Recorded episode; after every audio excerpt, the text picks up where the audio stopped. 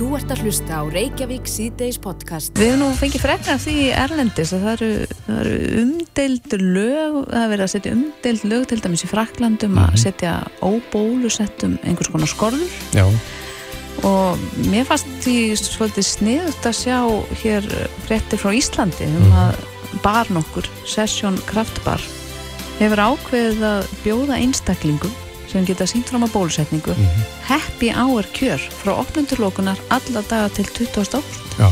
En er með þessu verið að refsa þeim sem eru óbólusettir? Ég lí- lí- leit einhvern veginn á það þannig að það væri verið að verðlun að bólusetta. Já, en það eru einhverjir sem að taka þessu öfugt. Jú, það uh, það var að skrifa greinum það í díaf í gæra og ansið sterkar skoðanir á þessu tilbóði. Mhm. Það er spurning hvort að Ásmundur Þór Sveinsson, einn fósfarsmanna þessa ágæta bars, uh, hafi orðið var við það. Uh, Góðan daginn Ásmundur. Jú, sælbæsið, Hefur orðið var við það að þetta tilbóð hafi hreift við mörgum? rokkið aðeins ofan í, Já. Staðið í fólki. aðeins staði í. Um, jú, það, uh, því miður þá virtist þetta vekja kannski aðeins önnur viðbröð hjá, hjá sumum heldur en við kannski uh, lögðum upp með. Hver, hver var svona hugsunin ykkar? Uh, hugsunin var nú, já, þetta var nú ekki, stóð nú ekki rosalega djúft á þessu. Þetta var nú bara sjálfum sér spjall okkar á milli, bara svona aðeins að fara yfir uh, undanfæri ár, undanfæri eitt og halvt ár Mm. og, og svona pælið sko að hefði þetta verið sko fyrir í vor til dæmis eins og staðan er núna að þá væri einfallega að loka Mm. og er svona já, bara þakkláttir í sjálf sér bara, þetta er svona mynda bara ákveðin tímamörk skiljið hvað við, það Já. er að í gegnum þetta, opna, loka og allt það í kring. Og svo svona virðistu vera komin yfir einhvern ákveðin hjall í þessum bransa þannig sem við þurfum ekki að loka. Já, vil ég meina að, að eh, það sé því að þakka hversu margir eru bólusettir í dag að það sé opið.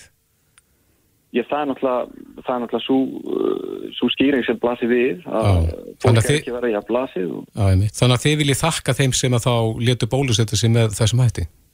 já, það var nú svona bara hugsunin Já. Uh, að, hérna, ekki eru við fjárstært fyrirtæki og þetta er sjálfur sér svona eina, eina svona leiðin sem við gáttum lagt upp með að gera eitthvað svona við, gera eitthvað skemmtilegt, gera eitthvað öðruvísi Já, það, fólk er að láta ansi sterk orð falla hér á internetinu, talað um aðskilnaðar stefnu og barinn verði hérðan í frá á svörtum lista. Er þetta fáir háværir? Finnir þið fyrir uh, fleiri jákvæðum en neikvæðum aðtöðasendum varðandi þetta aðtæfi? sko, uh, mann það tekur mest eftir uh, svona þegar fólk tekur stert til orða Mm. og, og svona er mjög hart í sinni viðbröðum að það tekur maður náttúrulega eh, mest eftir því en svona þegar þegar við fórum svona að fara yfir og þegar við fórum að fá viðbröðin inn á barinn að þá getum við ekki, getum við ekki sé annað en að já svona almennt sé bara sé mikil ánæði með þetta Já. Hafið þið verið að fá, hafið þið verið að fá eða fólk verið að setja sig í sambandi ykkur uh, á annars konar hátt heldur en í gegnum kommentarkerfin? Hafið þið fengið hringingar? Um, Nei, við erum ekki fengið neina syngingar en eitt svo leiðis það er einstakar skilabóð eitthvað svo leiðis Mm. E, e, bara svara bara eins og ég er að svara ykkur sko. Já, E, ef að ég og Kristoffer ákveður nú að, að gera okkur glæðan dag og fara á happy hour, uh, þurfum við að hafa meðferðis bólusetningar vottorð? Um, já, þetta er rauninni bara að maður getur, getur hlaðið niður bólusíkaváttar til dæmis í símansinn, bara sínt það og, og þá sótt þessi kjör. Já, Ekki nóg að sína stungufarið? Nei, en eh, já, til þess að vera alveg 100% hinskilin þá höfum nú ekki, ekki framfyllt þessu alveg ofinn í rauðan döðan sko. Nei. þetta er svona meira í mar markaðskinni kannski. Já, líka, það bara, ég veit það ekki, eins og segi, það lá aldrei eitt djúft á þessu. Nei, nei, hafa gaman. Annað en bara, ég bara hafa gaman. Já, einmitt, það er nú, ég, ég sé nú ein, eina aðtóðansemdin er, er á þessa leið, látið ykkur ekki bregða ef þið fáið á ykkur kæru, er þið uggandi yfir því? Nei, í sjálfs er ekki sko. Ég, eh, ég var nú ljúa, ég segi ekki ég ekki ráðfært mig við einhvern svona hvað ég segi, ég, ég sel bjór sko, svo er aðra sem sjá hann kannski lagalega hlýðar á einu af þessum málefnum í þjóflæðinu Já, og já, svarið var nú bara mjög einfalt það, það getur vart talist í réttið að, að njóta sérkjara einhver staðar sko, en meira svona bara fríðindi Já, þannig að þið erum með lögfræðilegt álit á þessu. já, kannski óformlegt já, já, já, já það er. En uh, hafið þið einhverja tilfinningu fyrir því að fleiri barir eða veitingastæðir munu, munu taka þetta upp og fylgja eitthvað fordæmi? Uh, ekki svona í fljótu bræði það, uh, þetta sprakk svolítið mikið hjá okkur en það fæði svolítið mikið orka í að svona bara uh, svara hinnum á þessum sko en uh, verulega jáka viðbröð frá allavega kollegum okkar. Vonandi, vonandi fylgir einhver eftir ég, já, já það, það, það kemur þó vantilega í ljós á næstu dögum en þetta er til 20. ágúst, það er, kemur eitthvað til greina að, að framlengja það eitthvað? Nei, ég hugsa ekki. Nei, það hérna ég vonandi verður bara allir búin að láta bólusetja sig og, og koma bara hoppandi kátir. Já, en hérna ég segi svona það hérna ekkert, ekkert eitthvað sem, uh, sem við rætt um sko þetta var nú bara svona tímabundi eins og segi og eftir sem áður eru við bara með okkar okkar happy hour sem er alltaf til sjó á kvöldin og stendur alltaf bara öllum til búða Einmitt. Ásmundur Þór Sveinsson hjá Sessjón Kraftbar. Kæra þakki fyrir spjallið. Takk fyrir sem leys, hafa gott Þú ert að hlusta á Reykjavík síðdeis podcast. Vissins okkar hér á Íslandi sem að sögn er nú bísna gott svona í þeirra heilt yfir er litið en, en e, COVID er það fyrirferða mikið að, að lítið hefur heyrst af framgangi annara eh, sjúkdóma þar að segja sem að hafa deitt okkur mörg og, og eitt af því er nú brjóstakrabaminn en, en eh, maðurinn nefndur og nefnir sjálfan sig bláa naglan og hann heldur ótröður áfram í, í sinni eftirfylgni eh, í, í, í leitað betrum bótum innan, innan eh, flokks krabbamennana og hefur haft samlið með heilbyrðiskerfiðinu í, í sum en öðru ekki. E, brjósta krabbamenn er það algengasta hjá konum og hefur leittar margar til dauða en e, það er von sem fælst í því að sem þú ert að berjast fyrir núna það er, það er ný tækni, ný tæki sem eru komin til sögunar sem að já, það er ekki beinlýnis opin eiru fyrir því hér og nú í íslensku samfélagi. Nei, uh, Þorgir, það er hérna árið 2017, þá fórum við að skoða á blánaklanum varandi ristilkrabba og hins vegar brjóstakrabbin, dánatínina og, og hérna það sem, það sem kom okkur verulega óvart að í há konunum sem er undir eftirliti að eins kona skulle vera að deyja á viku undir eftirliti. Og það sem, það sem kom okkur líka óvart þegar fórum að skoða þetta að það var eitthvað meiri háttar að að bóðunni að því að á Íslandi hefur hún verið frá 56% upp í 62% þegar hún er 92% í Svíþjóð. Og það er verið að missa af, af fullt af konum. Og þegar við fyrirum að skoða þetta betur að, að það þarf raunverulega að koma á líðhelsu áallin þar sem krabbamenn er undir, undir, undir vagnum á líðhelsu áallin þannig að það er engin snemgreining á krabbamenni sem sagt í blóðið að þvægi og ef við hugsa, tölum um sögur setna að hann geti komið þegar menn eru 45 ára. Það sem við erum að gera núna er að, að sapna fyrir ómtæki fyrir brjóstinn af því að það sem við skynjuðum og, og sáum að, að þegar konum fari í röngamyndatöku þá greinir ekki röngainnið sem sagt allt meginn, það gæti verið hulið. Og við fórum að skoða hvað er það sem þeir að missa af, hvaða tækni er það sem við getum sem er, væri hafkvæm og ódýr.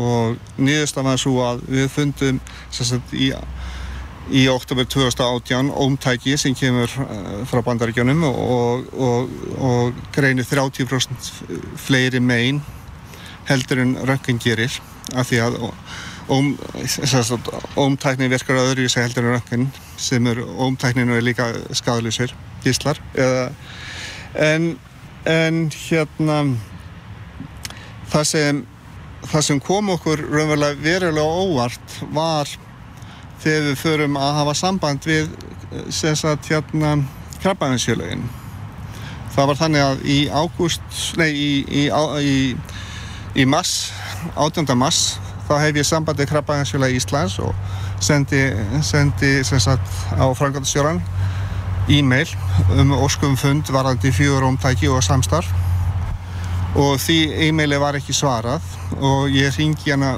höllu þrem dögum setna og Halla eh, segir ég ég skal reyna að finna hérna fundatíma fyrir okkur Eh, sá fundatíma er ekki ennþá komin Eh, 29. sem sagt í mars þá er mér tímfund með öllum krabbaðinsfélagum á höfuborgarsvæðinu og það sem var læknir frá landsbítalanum sem sagt eh, hérna röngan læknir sem er sérstaklega fengið var frá Svíþjóð til að vinna við upp á nýju dildinni og á fundinu kom sem sagt að hún vildi fá fjögur svona tæki, tvö fyrir landsbítalan, eitt fyrir sjúkurás og akverur og eitt sem væri færalegt. Það sem skeiði svo að, að krabbaðisfélag höfuborgarsvæðisins er ekki með. Er það ekki eitthvað skrýðið? Já, frá mínum bæjadöru, ég veit ekki hvort sem skrítið frá þeirra bæ, bæjadöru, en sem sagt að, að Krabbaðarsölu Íslands og, og, og Krabbaðarsölu höfuborgarsvæðisins er ekki með í þessu. Og það sem skeiði svo er að, að það var sendt e-mail á öll krabbaðinsfélög í landinu sem höfðu krabb.is endingu. Og eins og höfustöðarnar þá svaraði ekkert krabbaðinsfélagi á Íslandi erindunum. Er, er máli strand eða, eða er þetta fyrirferð eh, eins og COVID eða fyrir, fyrirferð annara starfsemi innan heilbyrðiskerfisins eða, eða þetta verður hlotið brautargengi víða um heim? E, eigum við vona á því að þetta e, að sé að landa slíku innan fara missera hér? Ég sko, þessi tæki eru ódýr. Ég fór, þegar ég fór í, í að semja við, sagt, þá vildi ég fá tvö tæki fyrir, sagt, hérna, vildi ég fá fjögur tæki fyrir verð tveggja. En lendingi var, ég fæ þrjú tæki fyrir á verði fjagra. En er þetta strand, nú er þetta bara, lítur þetta að, að e, brjósta krafmis rannsóknum innlegg í það mál og, og, og gæti, samkvæmt því þú segir, e, gæti verið afgerandi eh, skrefi rétt átt, svo við missum ekki fleiri á, á, á, úr þessu en, en, en þe- þetta er kannski partur af, af miklu starra miklu starri tæknibildingu sem við kannski erum ekki færum til þess að fylgjast með eða, eða það er svona tilfinningin sem maður hefur ef við erum að tala um landspítalan og, og heilbyrðiskerfi almennt Sko, ég held að, að það verða allir auðvitað að vera á tánum og ef þú fylgist ekki með þá, sem sagt, það er bara vestamál og ef, ef hérna, ef einhver hróki eða e- einhver sérkynlega pólitík er í gangi þá er það vestamál. Þetta bara snýst um hvernig getum við búið til heilbreyðskeri betra. Það er alveg, borleik, sem sagt, það, það borleikjandi. Þarf að breyta heilbreyðiskerfinu þannig að það verður líðheilsukerfi og þannig að, að, að einstaklingar geti farið í skoðun eins og varandi blöðrahálsin við 55 ára aldurinn eða, eða fyrr og, og þess vegna er þetta það sem mér finnst vera virkilega áhugavert er eða virkilega sorglegt að krabbaðinsfélagin hafi tekið henni, þetta í pólinn að, að vera ekki með taka ekki þátt í og þetta er algjörlega nýr kapli í sögunni hjá krabbaðinsfélaginu að, að þeir skuli spila þennan leik.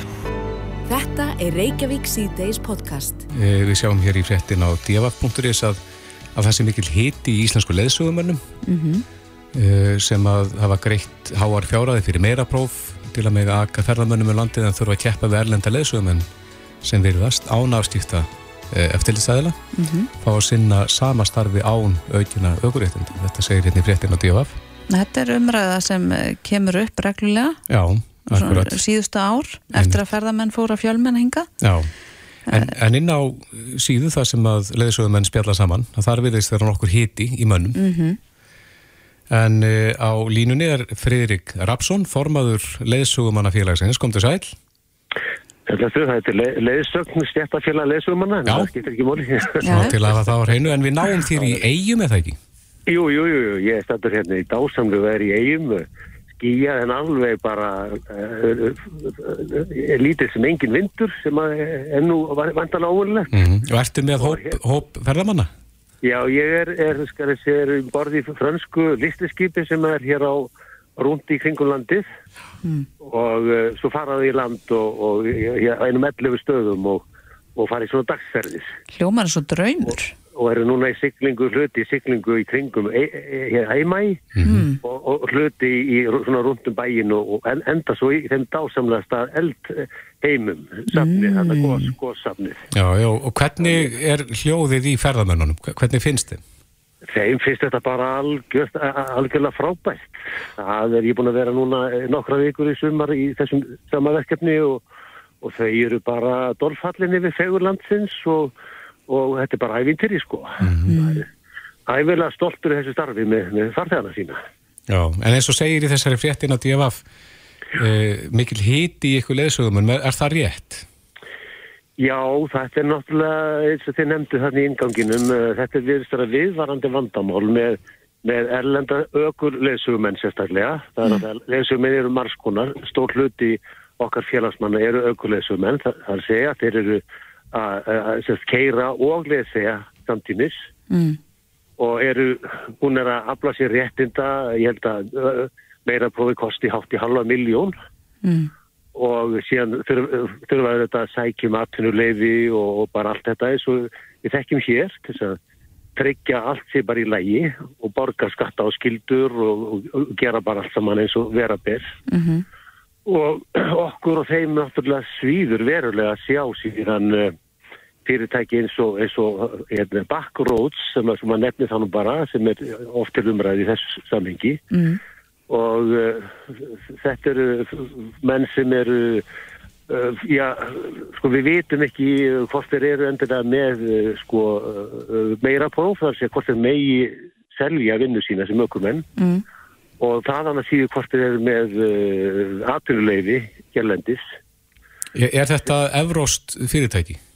Eh, Mér er skilt, ég ætla nú að, að aðeins að, hérna, með fyrirvara en mér skilst það sé bandarist en, en þeir hafi skráð sig í Evrópu þess að geta smegt sér svona í gegnum EES gluggan hingað. Mm. En er þetta eitthvað sem að þyrfti að ganga úr skuggum að, að þessir aðeila séu með tilskilin réttindi? Já, við, við höfum nú uh, bent á þetta ítrekkað í gerum árin og, og, það verður fundur í stjórninni núna á næstu dögum þar sem þetta verður tekið sérstaklega fyrir. Mhm.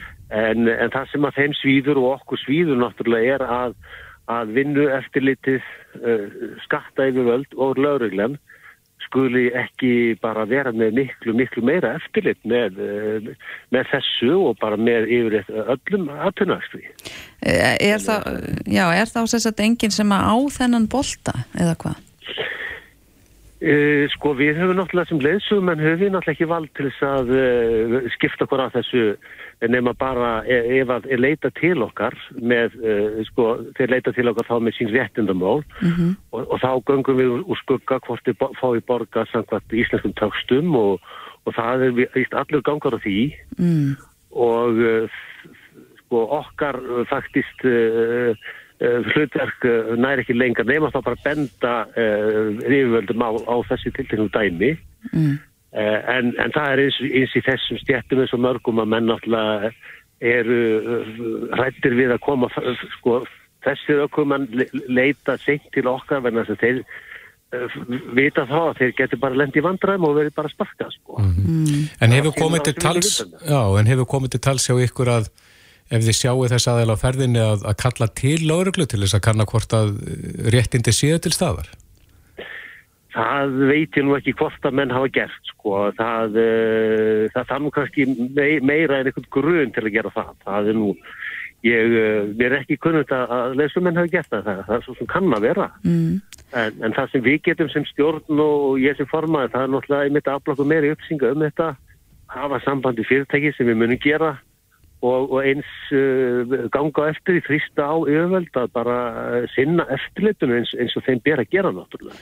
Þau hafa, þau, hafa vald hefur til þess. Já, já. Eh, Núna kemur þetta eins og við höfum sagt eh, og sögðum hér í, í upphafi, þetta kemur til tals í í umræðinni eh, ár eftir ár, fi- finnst manni. Já, já. Eh, já, já. Hver, er, hver er framtíðin? Hva, hvað er þetta að gera? Já, sko, það, það sem er nú, hefur nú gæst í þessum málum er að það voru sett núna lög nýlega, bara fyrir bara nokkrum vikum síðan, um það að uh, bílar sem að uh, væri sko lengur heldur tíu daga minni mig í landinu, Mm. fyr, fyrst að sækjum uh, hérna uh, aðurleifi, Mm. þau með að komast í vissan dagafjölda, en síðan verðar að fara aftur Mm. Og, uh, uh, og það nær bara uh, yfir bíla sem eru sko nýju sæti eða fleiri Mm. flestir þessi bí- bílar sem við, við þau verið til umræðu þarna eru sko nýju sæta bílar eru sleppa sem sagt undan fara undir þennan radar, ef svo má segja Mm. en, en framtíðin síðan er svo og það er það sem við höfum verið að vinna uh, meðal annars uh, var unnin uh, skýrsla uh, núna í vor á vegum uh, atvinnumálaráðsins, mentamálaráðsins samtaka ferðarþjónustana og, og leysagnar Mm. með að setja bara strángari skorðu við því að leðsugumenn séu starfandi hér erlendir, hvort sem við komum frá EES eða annar staða frá en þess að okkar hlutverk er náttúrulega f- auðvitað fræða en ekki síður að vernda og gæta öryggis uh, farþegana í bílum og í gönguferðum Mhm. og, og eins e, e, e, hefur við mjög mikilvægt að náttúruvendar hlutur, það er að segja útskýra fyrir okkar, okkar farþegum að það er ekki labbað á mosa, það er ekki kyrt utanvegar og svo framvegis Já. og, og náttúrulega fólk sem hefur ekki réttindi eða þekkir ekki til, fulla er ekki uh, sko hefur ekki uh, þau réttindi á mentum sem við höfum og, og þú verðum að hafa hér við bara viljum að séu s- s- sömu köfugerðar og þá erum við líka þar með að tryggja gæði þeirra þjónustu sem er innan hendi einmitt. og þetta verður vonandi eitthvað sem að sem þetta er skýsla núna en vonandi verður þetta unnið áfram og vonandi gert að lögum þá bara sem fyrst Akkurat, en eh, Friðrik, svona rétt aðeins í lokin uh, COVID-tímabil hefur náttúrulega verið mjög erfitt fyrir ykkur leðsugumenn þar sem að ferðamenn bara vantaði hingað Já, til hans. já. En hvernig er staðan núna? Hún hefur bara verið mjög góð, uh, sérstaklega fyrir einmitt aukulegusumenn, margir sem ég hef, hef hitt núna bara um þarna vikur. Þeirra uh, verkefni hafa bara rókið að. Uh, ég heyri líka í ymsum kollegur sem eru í ringferðum á stærri rútum og, og það er hópur til dæmis í, í kringu þetta verkefni með skipin sem er ímestum borð eða, eða gæt úr landi. Þannig að það bara, það hefur, hefur tekið bara mjög vel við sér. Mm. En það breytir því ekki náttúrulega núna í þessari óvissu sem við erum uh, þessar vikunar að það við erum náttúrulega uppgandi yfir, yfir uh, vetunum og, og svona uh, þetta er svolítið bakslag fyrir okkur öll, sko. Já, er, er fólk búið að röklast úr, úr þessu starfi? Á, núna í, í, frá því að þetta rundast saman í fyrra. Mm. Já, það er nú uh, eitthvað um það að fólk hafi farið í annu starfi, einfallega venna þess að það var alveg óvíst hvort og hvenar þetta tæki við sér náttúrulega aftur. Já. og, og ég hef heyrt að, fyrirtæki hafi jável verið í vandræðum að fá uh, leysum en þess að það er bara búið að festa sig annar staðar og bara bjarga sér sko. Já. Friðrik Rafsson, uh, formaður leiðsagnar, stjættafélags leiðsögumara. Kæra þakki fyrir spjallið. Já, takk sem leiðis. Reykjavík síðdeis á Bilginni podcast. Jæja, Reykjavík síðdeis, það hefur verið töluverðum ræða meðal hans í okkar þætti og síðkastið um svona áhættu hegðun ferðamanna við góðstöðarnar. Mm Fólk er að hætta sér á langt inn á nýstorknar hraun. Já, og hann, Jónas hjá Travel taldi að veri já, því miður hugsanlega tímaspörsmál þá hann til ítla væri Já, einmitt. En e, það er spurning, nú er lögreglan, hefur hún yfir umsjón með öryggismálum þarna á, á svæðinu. Gunnar Skram, yfir lögreglu þjóttn hjá lögreglan á, á Suðunisum, er á svæðinu, nei, er á línunni, kom til sæl, og á svæðinu kannski líka. Það er reyndar ekki á svæðinu, en sælu verið. Blessaður En þið hafið ekki farið varhluta af þessari hegðun, áhættu hegðun. Nei, ég get ekki neitað því og það hefur borið á þessu reyndar frá nánast upphafi eh, gos. Og þá sérstaklega þetta sem að hefur ekki mest aðtiklu undarfarið að fólk, fólk gangi út á hraunið. Þetta hlýtur að vera eitthvað sem að þið hafið áhyggjur af. Já, við höfum áhyggjur af þessu og höfum haft frá upphafi og það þarf í sjálf sér ekki að fjölöða um hversu hættulegt þetta er. Og að fara út á nýstorkna yfirbor hrauns og, og treysta því að það haldi og, og undir, undir niðri getur verið rauð, rauðglóðandi kvika. Það er nú því flóknar en það. Nei, tekur þú undir þær áhyggjur rattir að það sé tímaspörsmál þangar til ítla farið þarna sveðinu? Já, ég skal ekki útiloka haldi þessi hegðun áfram og þetta er reynda mjög lítill minni hluti fólks sem að sem að gerir þetta en, en það er nú rétt að minna á að eldgósi stað, hefur staðið yfir í um það til sko fimm mánuði núna ef ég fer rétt með og hátt að þriðja hundra þúsund manns hefur ko- komið á eldstöðarnar og gerir það væntanlega fjölmennasta ferðastæði ferðastæð á landinu þetta árið gerir það fyrir. Einmitt. En, eh, en þessi áættu hegðun, það er nú talað um það, sko, hvernig er þetta að koma stílabóðum til ferðamanna að, að þetta sé eh, hættulegt og jafnvel lífshættulegt. E, væri hægt að nota sömu aðferð og almannavatni notuði upphafi e, gossins, þar að segja til að vara fólk við e, smithættu við góðstöðarnar, að senda, senda SMS. Já, vissulega, við notumst við þetta í upphafi gos uh, og það hefur verið til umræðu þessa dagana að- að taka þetta upp aftur og, og þetta var sérstaklega rætt í dag og, og munu vera borið upp á stöðufundi við bara saðilega í fyrramáðið. Þannig að ég vænt og vonast til þess að við getum farið að beita þessari aðferð. Hvað myndi standa í slíkum stílabóðum? Já, við erum svo sem eftir að hérna eftir að komast að niðurstöðum þetta en væntanlega meðal annars þetta með raunnið og, og kannski að við bætum við sko almennum svona varúðar orðum gagtvart góðsvæðinu. Þetta er náttúrulega hættulegt svæði. Mm. Það er ekki bara það að uh, ganga á nýstorknuður hraunir sem er hættulegt. Nei, nei, nei, nei. og það, það er til dæmis, við höfum nú verið að fylgjast með og reyna að koma á framfari eins og hlutum í kringum þetta og síðastlega vetur vorum við að glíma við veður í ofanílag sem, sem er reyndar búið að vera mjög gott hjá okkur í sumar eða svona setni hluta sumars allavega. Mm -hmm. Gatmengun sem dæmi og, og já.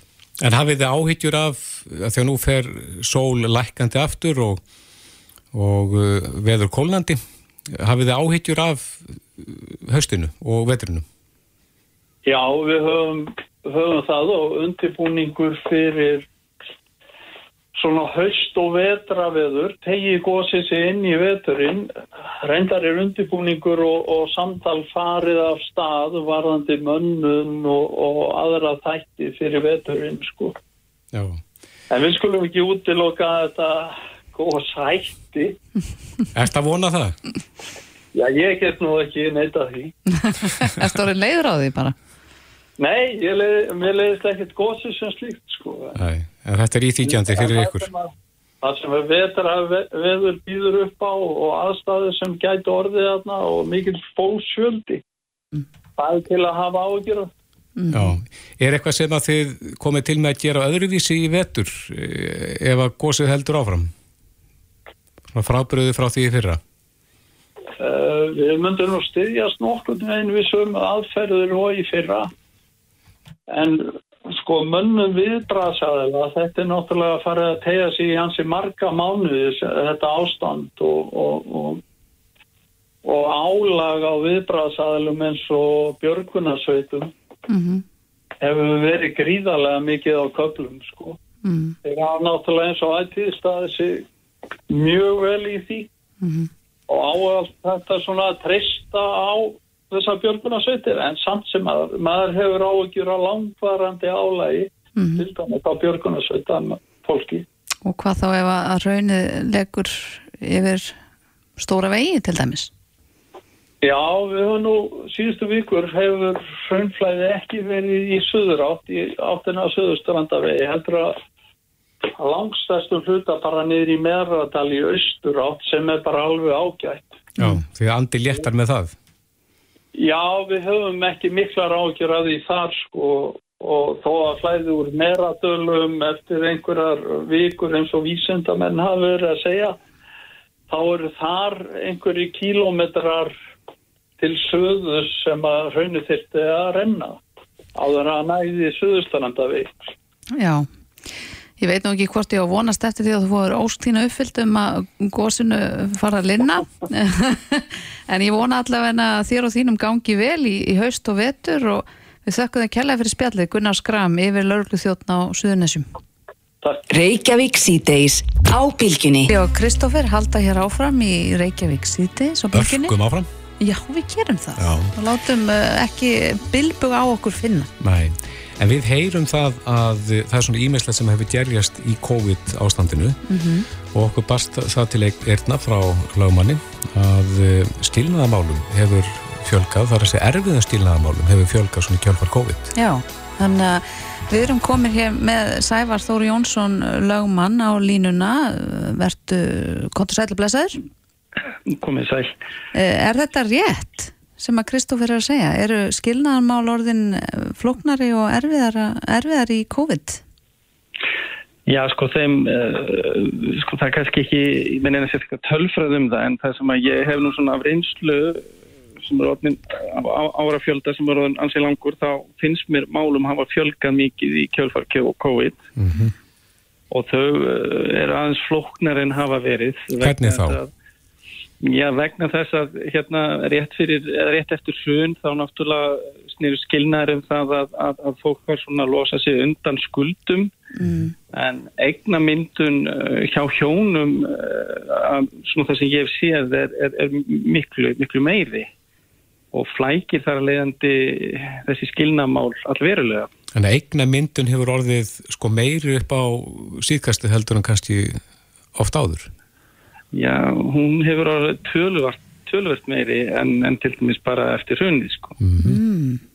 Einmitt það. Þannig að uh, er þá ekki verið að fara uh, þessa hefðbundu leið um, um helmingaskipti? Sko helmingaskiptareglan er svona þessi meginregla en um, það hafa komið upp uh, fleiri ágreiningsmál þar sem að verið er að rýna til tekju myndunar uh, annars einstaklingsins í hjónabandinu Mm. og þar að leiðindi er þá gerð krafa um að sá einstaklingu sem eru haft hærri tekjur eigi þá, eða þar að leiðindi að fá uh, hærra eða meira út úr skilnaðanum hvað var að regnir Mm. Svo er líka meira um það að það er farið að, sæ- að sækja í sérregnisbarnað viðkomandi. Já. En er tekið inn í, í dæmið til dæmis varðandi barnegnir? Uh, oftast er það nú konur sem þurfa að hverfa frá vinnu í einhvern tíma til þess að uh, hugsa um börnin. Er, það Já, tekið inn í myndina? Já, já, það er eh, líka gerð krafa á móti að, að í slíkum tilvökum þar sem að, það er nú oftar þannig að það er þá uh, karlinn í hjónabandinu sem hefur haft hærri tekjur og, og, og, og í þeim tilvökum þar sem að börn eh, eru fyrir hendi að þá eh, er gagkrafa á móti og þá er það sérst oftast í sérregnisbarnað einmannsins sem dæmi. Mm og, og þannig að málinn þau eru orðin flóknari og það fólk er meðvitara um sinn rétt en uh, þessi megin regla um helmingaskipti er bara mjög sterk í okkar réttakerfi og það er nú ekki auðvelt að að fara að víkja frá henni. Nei, en, en, en hver, hver er svona þín tilfinning í þínu starfi varðandi það svona skilnaðamál lendi reynilega fyrir dómstólum, farið einhvers konar engamál? Er það að verða algengara? Mér finnst það já, mér finnst það að vera orðið algengara og það er orðið, eða er það kannski það fari í opið skipti, þannig oft, oft þannig að, að ef að það tekst ekki að leysa málinn með samningum þá er farið í opið skipti Mm. og þá er það skiptastjóri í slíkum búum sem að leysir úr eða vinnur úr þeim ágreiningi en það þá endar alltaf jú fyrir dómi. Mm. Það, það er nú hlýtur að taka svolítið á sko báða aðila og jafnvel börn og þá, og þá sem næst þeim standa. Já, þetta er svakalega erfitt og sérstaklega þegar börnir er hlut vegna þess að uh, þessi fjárskipti eða deilur um fjárskipti þau smita út frá sér og fara oftar en ekki líka í það að það verið þá deila um umgengni uh, varandi börn Mm. og uh, það, ég hef nú því miður uh, séð uh, eða upplifað mjög slæma hluti hvað þetta varðar Mm. og þetta bitnar uh, á börnum oftar en ekki en, um, og það er auðvitað vesti þátturinn í einmitt. en það er það líka að, að, að, að, að það, það er engin hagur fyrir fólk að, að draga þessi mála á langin því að þetta er bæði tíma, tímalega séð og kostnælega séð svo gríðarlega mikið sko. Já, en þú segir Sævar að, að það er gerð aukin krafa að, að þessir hluti séu teknirinn í dæmi, það er að segja tekjumyndunin við þá eignarmyndun. Mm. hverju hafa domstólarnir síðan svarað í, í sinni niðurstöðu? Er, er, eru domstólafarnir að taka meira mið af tekjumynduninni líka? það er ekki að segja það að það sé komin einhver mikil fordæmi um það að það sé að, uh, það er mjög erfið sönnulega séð uh, þegar fólk fyrir hjónaband og, og, og, og, og það er í hjónabandi þá er alltaf þannig að annar makin hafi harri tekjur Mm og það á ekkert að koma niður á helmingaskiptareglunni. Nei. Það er í undatekninga tilvikum sem að það er tekið tillit til þess og það eru mjög ströng skilirði og ég get ekki séð eða hef ekki séð að domstólar séu eitthvað að víkja frá þeirri meirreglu. Er þetta þá aukin krafa frá þeim sem að standa í stilnaði og eru þá tekju herri? Já, þetta er oftar en ekki það og svo líka, eins og ég segi, að, að sá sem hefur minni eða læri tekjur gerir þá kröfum að fá hlutild í sérregnarspartnaði viðkomandi maka Mm. vegna þess að sá viðkomandi hafi haft hæri tekjur og hafi haft meiri möguleika að framfleita sér og þá hafi gagnaðilinn að einhverju leiti lagt eitthvað annað í púkið eins og maður segir, Mhm. alveg börn eða fleira. Þannig að þetta er orðið miklu flóknara og, og af því að þessi eignamyndun sem hefur orðið bara á fastegnumarkaði er orðin svona, já, fastegna verður hækka gríðilega mikið á stuttum tíma, Mhm. það er orðið mikið eignamyndun og, og, og þá er náttúrulega, er það nú oftar ekki þegar fólk deilir og er að skilja að þá eru gerðar ímsar óhrenn og kröfur. Já, en, en eru dæmum það að, að dómur hafi fallið á þá leið að, að maki hafi fengið hlut í sérregnar sparnaði? Það eru til, það eru til að þetta dómar það sem að, að annar ma eða makin hafi fengið hlutild í, í sérregnarsparnaði, það eru til dæmi um það en það eru mjög fá dæmi. Mm. Uh, Það hafa nú verið fréttur um það að skilnaðum hafi fækkað uh, í kjölfar COVID. Uh, er það ekki bara út af því að það var erfitt að komast að hjá síslumanni? Það, er, það eru til tölfræði hjá síslumanni, síslumar ætti að halda utan um, um, um beðinir, það ætti að vera auðvelt en, mín tilfinning er svo að allavegna og þessu ári finnst mér hafi orðið aukning allavega á mála, málum hjá mér, Mm. hvað var að skilnaði? En, en varðandi sko, þessi, þessi skipti á eignum, mörgum finnst kaupmáli kannski ljótt orð, ef svo má segja.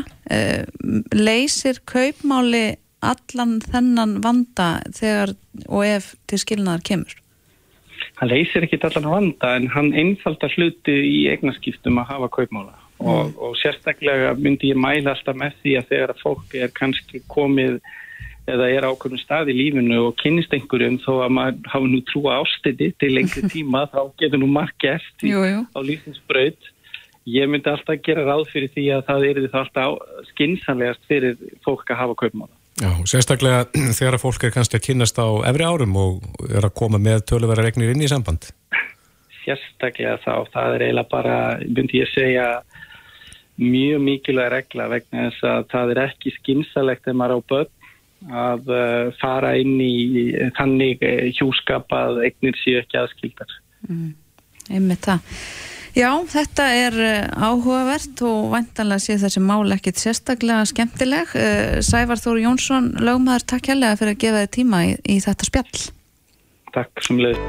Reykjavík síðdeis á Bilginni podcast. Við erum að ferðum bæinn eins og venjulega og það er nú ekki amalegt þegar gott er veðrið og ég er stattur hér í, í garði bak við Grensáskirkju þar sem að fulltrúar hjálparstarfskirkjunar vinna hörðum höndum.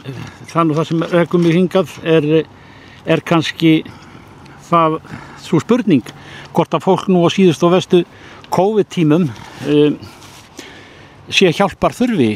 Og Vilborg Gottsdóttir situr hérna gengt mér eh, á bekk borði í sólskinnu hvað vilt segja um þetta? Er, er fólk, fólk finnur fyrir já, einhverjum beigjum og böðum í, í, í gengi daglegs lífs eh, nú á COVID-tímum? Fólk finnir svo sannarlega fyrir því eins og við öll að, og, og kannski sá hópur sem hefur leitað til okkar er náttúrulega hópur sem að fyrir var brotin og kannski mikla félagslega einangrun og innmanna mm. þannig að svona COVID ástand eigur bara á það, það er alveg algjörlega en samt er það nú bara þannig að, ég, að, að þegar ég vissi að þú varst á leiðinni fór ég aðeins að hugsa að hvern, ef ég ætti að meta tíma núna, ágúst núna eða ágúst í fyrra þá, þá er ágúst núna aðeins auðveldari enn í fyrra því þá voru allir aðmissa vinnuna. Við vorum öll í að fara ofan í, ofan í hérna djúpa læð e, núna er allavega fleiri í vinnu við, og það er svo samlega sem við finnum að það, það er, er ekki eins erfiður. E, þó sem núna sé að komi bakslag en einhvern veginn þá hann er ekki eins erfiður í fyrra, sko alveg hreinskilið með það.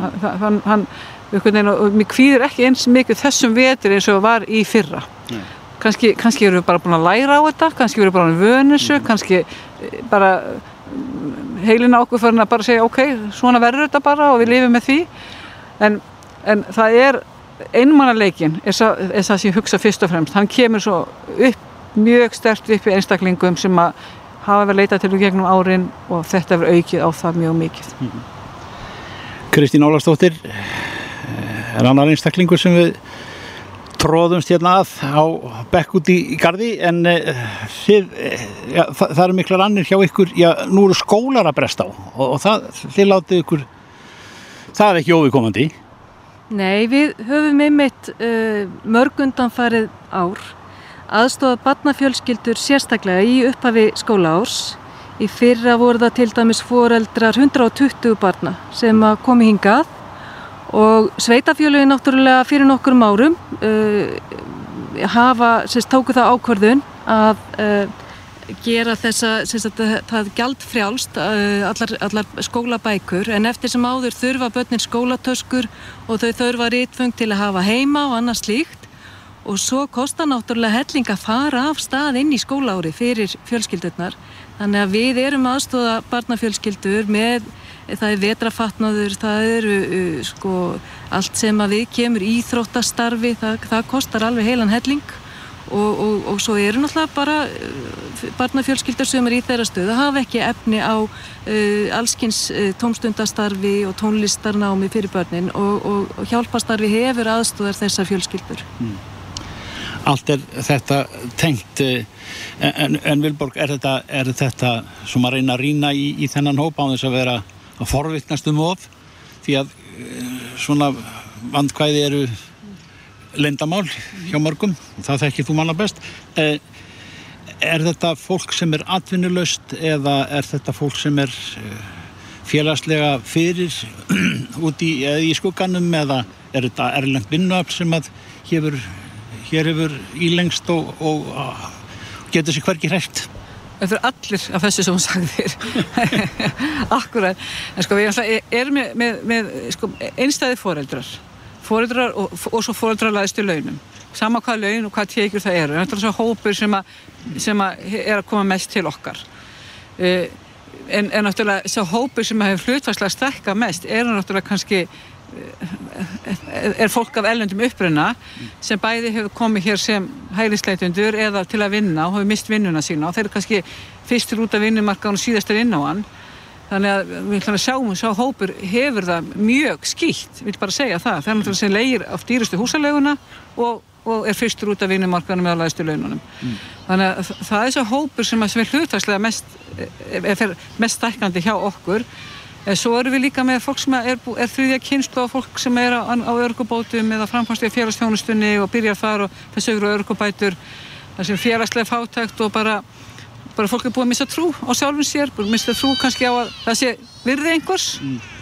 þannig að þessi hópur er bara mjög áblandaður frá mm. hann er það mm -hmm. en e, spyr sá sem ekki veit er þetta e, er, er þetta fólk sem að er matarþurfi, er svangt Já, já, já, já. það er þannig hópur sem á ekki mat út mánuðurinn til líka hópi sem á ekki fyrir hérna livjum, þetta er hópi sem á ekki fyrir því ef að kemur eitthvað upp á að hérna, þú veist, einmitt að, með skólatöskuna eða, eða íþrótaskóna eða sundfötin, allt þetta, þetta er bara alveg, þetta er allt þetta. Kristín Olsson, við, við erum búin að fá hér gesti í gardinn þetta, þetta er litla fólki sem er að fara í skóla greinilega og þú varst búin að nefna skólatöskur já, já. Það, það er fatnaður og annað og, og, og svo eitthvað í gogginn og, og annað, annað slíkt sem að, það er ekki bara að opna skólan og segja að gera þessu vel Nei, nei við, sko, aðstóðin sem að hjálpastar kirkjunar veitir fólki það er, þetta er svolítið sko barnafjölskyldu koma til okkar og fá innegna kort fyrir matvöru mm. Og síðan þess að sérstöku aðstóð við uh, það sem er hlýst af því að börnin er í allskynst uh, starfi við veturinn. Mm. og síðan erum við koma til okkar líka einstaklingar og fá aðstóð við að leysa út lif við erum líka hér með notaðan fatna sem að, að við látum einstaklinga og fjölskyldur hafa. Við erum reyndar ekki að taka við notum fatnað eins og stendur vegna þess að það eru uh, sótarnareglur eru slíkar. Við getum sjálfbóðleitnar okkar eru svona í eldri kantinum og við viljum hlýfa þeim þannig að við erum ekki alveg vísum það hvena við opnum aftur fyrir sko, því að taka móti fötum.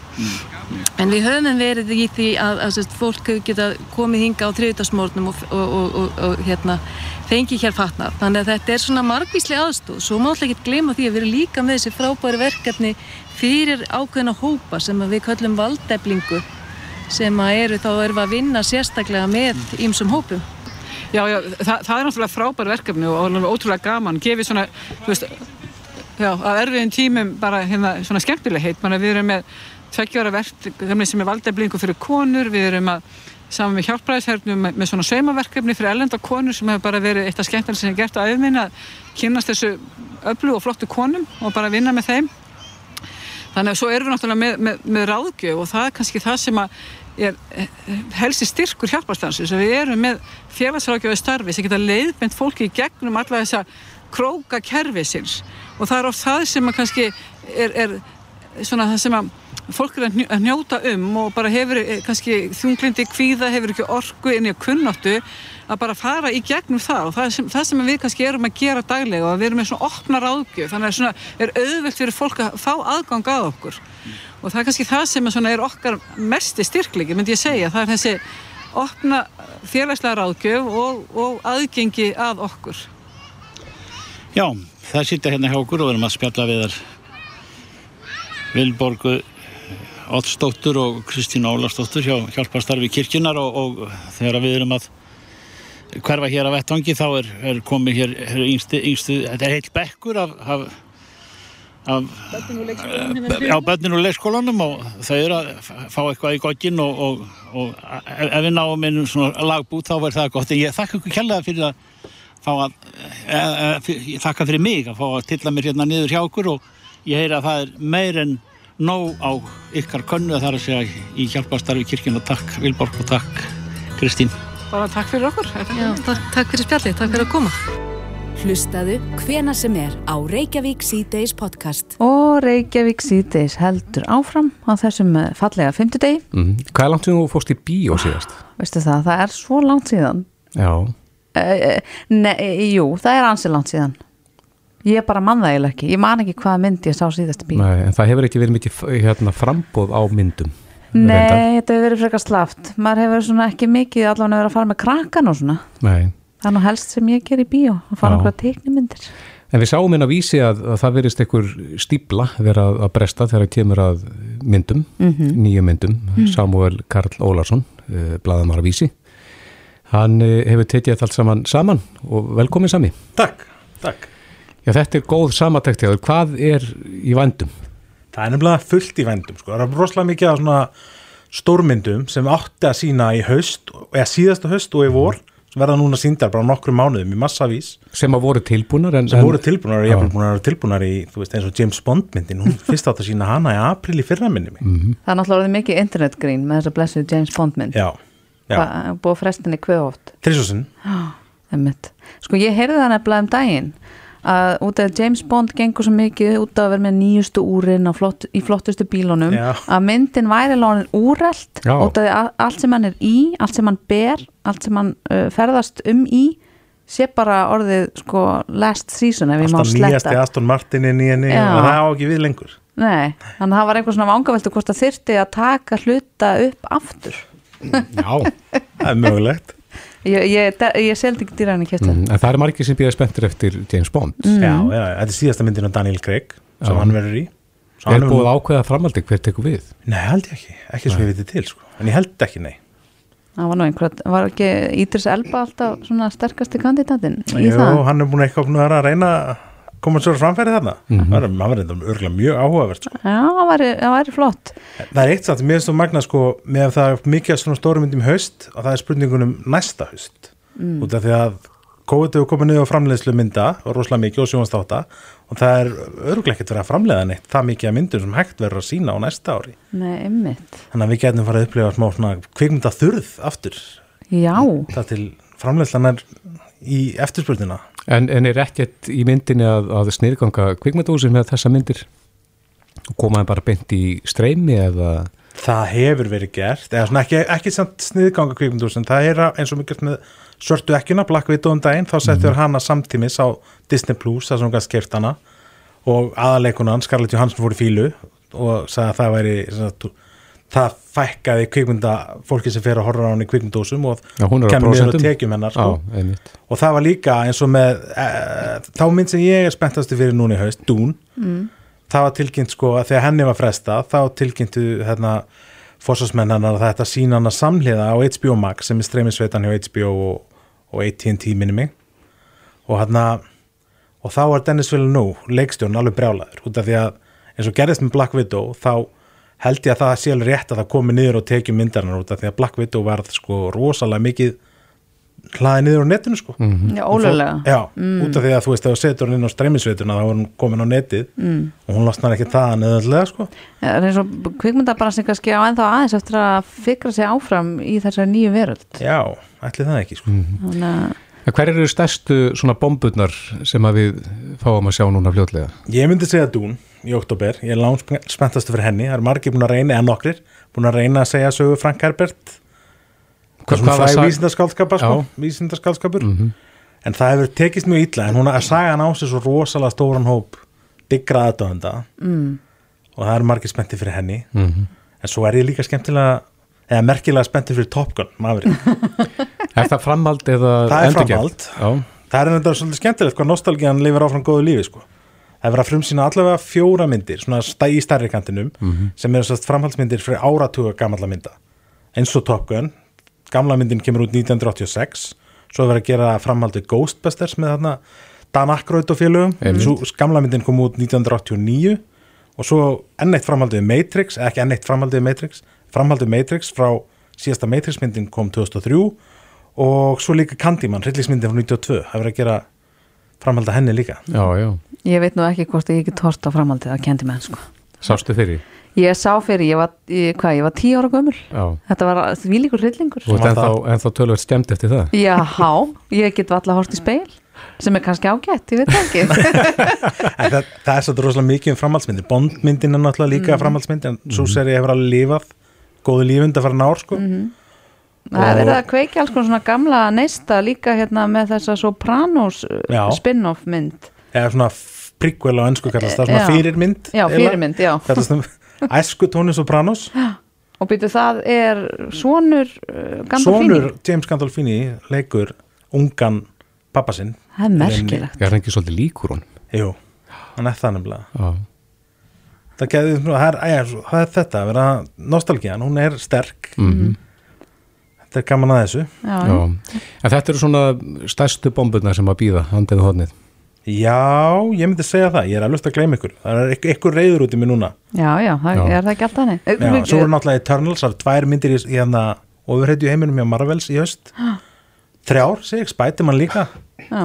þetta er myndir sem alltaf fresta út af COVID. Mhm. Sko við glemum, við vorum að tala um nostalgíu, við glemdum alveg að tala um Halloween Halloween, á já. aldrei að uh, ganga frá því vörumerki það virðist ekki hægt að drepa Mike Myers en hann er mjög góður að drepa aðra Já, það, það er ákveðin hæfileiki En sannir, það er hægt að skoða samatektinina nánarinn á vísi. Jú, jú. Það er alltaf, alltaf gott að kíkja á vísi. Já. Þannig að þú mætir fyrstur í bíó á dún og svo horfir á rest Já. Já, gott að fá það á hreint Þakka kærlega fyrir eh, Samúl Karl Ólason, blaðmar á vísi og við segjum bara gleðilegt bíó haust Það verður gaman að kíkja í bíó. En Heldur betur Þetta er Reykjavík C-Days podcast. Ég verð nú að játa það að ég fekk sting fyrir hjartað í morgun þegar ég voru inn á vísi.is Mhm. sá þar mynd af indislega fallegum korpum undir fyrirsögninni fólk byrjaði að losa sig við COVID-gældýr æj, æj, það hljómar ekki vel. ekki vel, alls ekki Nei. Og fréttin fjallar um það að eins og við vitum þá voru margir sem að fengu sér gældýr í COVID Mhm. en það verður nógan tíma. höfðu nægan tíma og til þess að fara út að labba og kúra upp í sófa og svo leis Mhm. en uh, Sandra Ósk Jóhansdóttir sjálfbóðlega hjá Dýrfinnu segir hérna og vísi að, að nú sé gaman í búið og fólk sé að losa sig við þessi gældir Já, og svona dýr enda oftar en ekki hjá Dýrahjálp Íslands. mm Þar er Sonja Stefansdóttir. Kom til sæl. Já, komið sæl. Kannist þið við þetta hjá Dýrahjálp Íslands? Herra, við fórum aðeins að skoðum tölunar hjá okkur og við lásum þetta líka í morgun. Mhm. Og hérna, það er sín ekki alveg eins að það var ekki dýrin sem komað okkar. Nei. Uh, það er alltaf smá fjölgun sem er á sömurinn, sem bara ástíðabundin svona fjölgun. Hvað veldur því yfir svona sérstaklega yfir sömatíman? Það eru auðvitað bara ferðarlög og fólk í fríi og hefur tíma til að hugsa hvernig það vil hafa áfram dýrin og svona. Já. mm. Og hvernig dýr eru það aðra sem að þá koma til ykkar? Á sömurinn, Já. það eru bara kettir og hundar og svo náttúrulega finnast svolítið mikið af kanínum út á þessum tíma líka. Mm. En ég heyrði það nú svona út undan mér ég síðustu mánuði að, að fólk sem ég þekki sem var að sækja um að fá dýr hjá dýrahjálpa það var ekkert sjálfgefið að fá útluta dýri að það var hérna, margir um hittuna eða svo má segja. Já, já, það berast mjög margar umsóknir um hvert dýr í dag. Og er búið að það jógst rosalega í COVID en við vorum búin að finna fyrir aukningu alveg vel fyrir það sko. Mm. og svo náttúrulega bara náðu þetta nýju hæðum í COVID að fólk hafi tíma og, og var heima. Þannig að þið finna engan mun á, á umsóknum núna? Uh, umsókn, nei, það er enda að koma mjög mikið umsókn um dýr Já. Þannig að þetta þá stemmir ekki alveg að, að uh, þetta COVID-ævintýri sé liðandi lok? Uh, ekki enda á uh, allavega ekki okkar tölum Nei.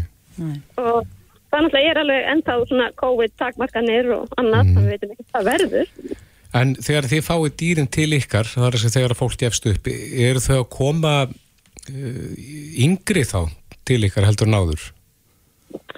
Nei, alls ekki. Eða, veist, við höfum alltaf verið að fá dýr bara öllum aldrei endar en oft nýju mánuða til tveggjára var mjög algengur aldur mm. en það fer minna fyrir því núna sko. er, er, það, er það ekki jákvætt? Mjög jákvætt. Mm. En gældir að eign er orðið miklu ábyrgar í dag sko. Já, einmitt en, en uh, sko þessi dýr sem eru hérna inni á síðinu núna sem að maður getur þá tekið uh, að sér hvernig er, er þetta ferli? Hvað eru við að tala um að séu margir að sækjum hvert dýr? Það er aðeins misjamt en ef það kemur til dæmis hreinræktaðar hundur inn þá má alveg búast við að fá 50 umsóknir á tveim dögum sko. Já, og hvernig er valið úr því? Það er bara hugsað að bara hvað dýri þarf, hvers konar heimili, hvers konar reyfingu. Mm. Það er skiptir mjög miklu að fólk, fólk steti inn bara góðar upplýsingar um sjálfan sig og sína aðstæður. Mm -hmm. Svo bara reynda við og metta og velja úr því. En, en hverjar eru ástæðnar á bakvið það að fólk losa sig við gældir? Það getur ekki bara verið að, að nenni ekki hérna, hundinum sem er ekki lengur krútluður kvolpur, er það? Nei, alls ekki. Það getur margt bara breyst líka bara heimilsastæður annað. Mm. Það var svolítið aukning á því að fólk bara fekk ekki húsnaði sem leiði fyrir dýr. Mm. Það var ósvöldið alveg ástæða. Já. Þetta er svona margvíslegt. Það er það. Já, ég sé hérna á heimasíðin ykkar uh, hér eru tveir hundar, tíu kísur, fjóra kaninur uh, tveir nagrísir og svo hérna tvö önnur dýr og, og uh, Lilja, þetta er kannski hérna fyrir þig, gæludýr. Nú, Þetta eru tveir saman. Mér sýnist þetta að vera Mís, Chandler og Joey. þetta er eitthvað fyrir frendsaðaðandan. já, já, ég held nú að hundandi mínir myndi ekki taka þessum dýrum neitt sérstaklega vel. Nei, en það stendur hérna að þeir eru vanir kettinum á heimilinu. Já, já, já, já. Þú ert ekki með kýrsu. En er það kannski svo að hérna, eins og með dýrahjálp uh, það eru einhverja kröfur til þess að fá að taka þessi dýr er það kannski eina af ástæðanum fyrir því að dýrahald er orðið ábyrgara hvað segir þú með það, Sonja? Ég held að það er bara svona almennt yfir. Fólk gerur kröfu hvert dýri sitt fer. Mm. Þú veist, við erum það, okkar versið að fólk má auðvitað það sjálft, sko. Mm. Við erum bara með dýr sem er sér mest undir á fósturheimili dýrihjálpar. Mm. Annars sér bara eigandinn alfarið um að velja hérna, nýjan eiganda. Ég skil. Sko, eh, það var hérna fyrr í bara, það var nú bara í júli, þá voru stjórnendur Kattholts að viðra áhyggjur sinni af því að væri verið að græða ansi mikið á dýrum. Það var dæmi um það að hérna, kettlingar væru faldir á 65.000 krónur og ekkert innifallið.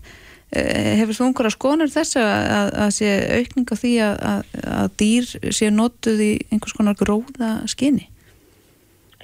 Í einhverju rosalega gróðuraskýri held ég að verði aldrei. Það er dýrt að hérna, komið goti og öðru. Uh, en að fólk borgi fyrir dýri sín er alveg held ég jákvægt af þessu marki en það þarf að fylgja eitthvað að baki. Mm. Einmitt. Já, það, það er náttúrulega jákvæmt að fólk er ekki að losa sig við COVID-gjaldir en gæti það kannski gerst uh, innan einhverja mánuða? Sko þegar allt fer á flug þá veit maður aldrei hvað verður en við erum nú að vonast til þess að bara eins og með þessari ábyrgari gældir að fólk hafi valið við Mhm. í engandi. Já, hugsa málið til enda. Já og fólk hafi verið að vera að fá sér dýr á þessum tímapunkti og til að henda við en samt hugsa til framtíðar. Mm einmitt. Já, við skulum vona þá, tökum undir það, Sonja Stefansdóttir hjá Dýrahjálp Íslands, við hvernig fólk til að skoða síðuna hjá okkur ef, ef það er að leita sér að, að gæludýrum. Þannig eru mörg vinaleg dýr sem að vantar heimili. Kæra þakki fyrir þetta. Já. Bless, bless.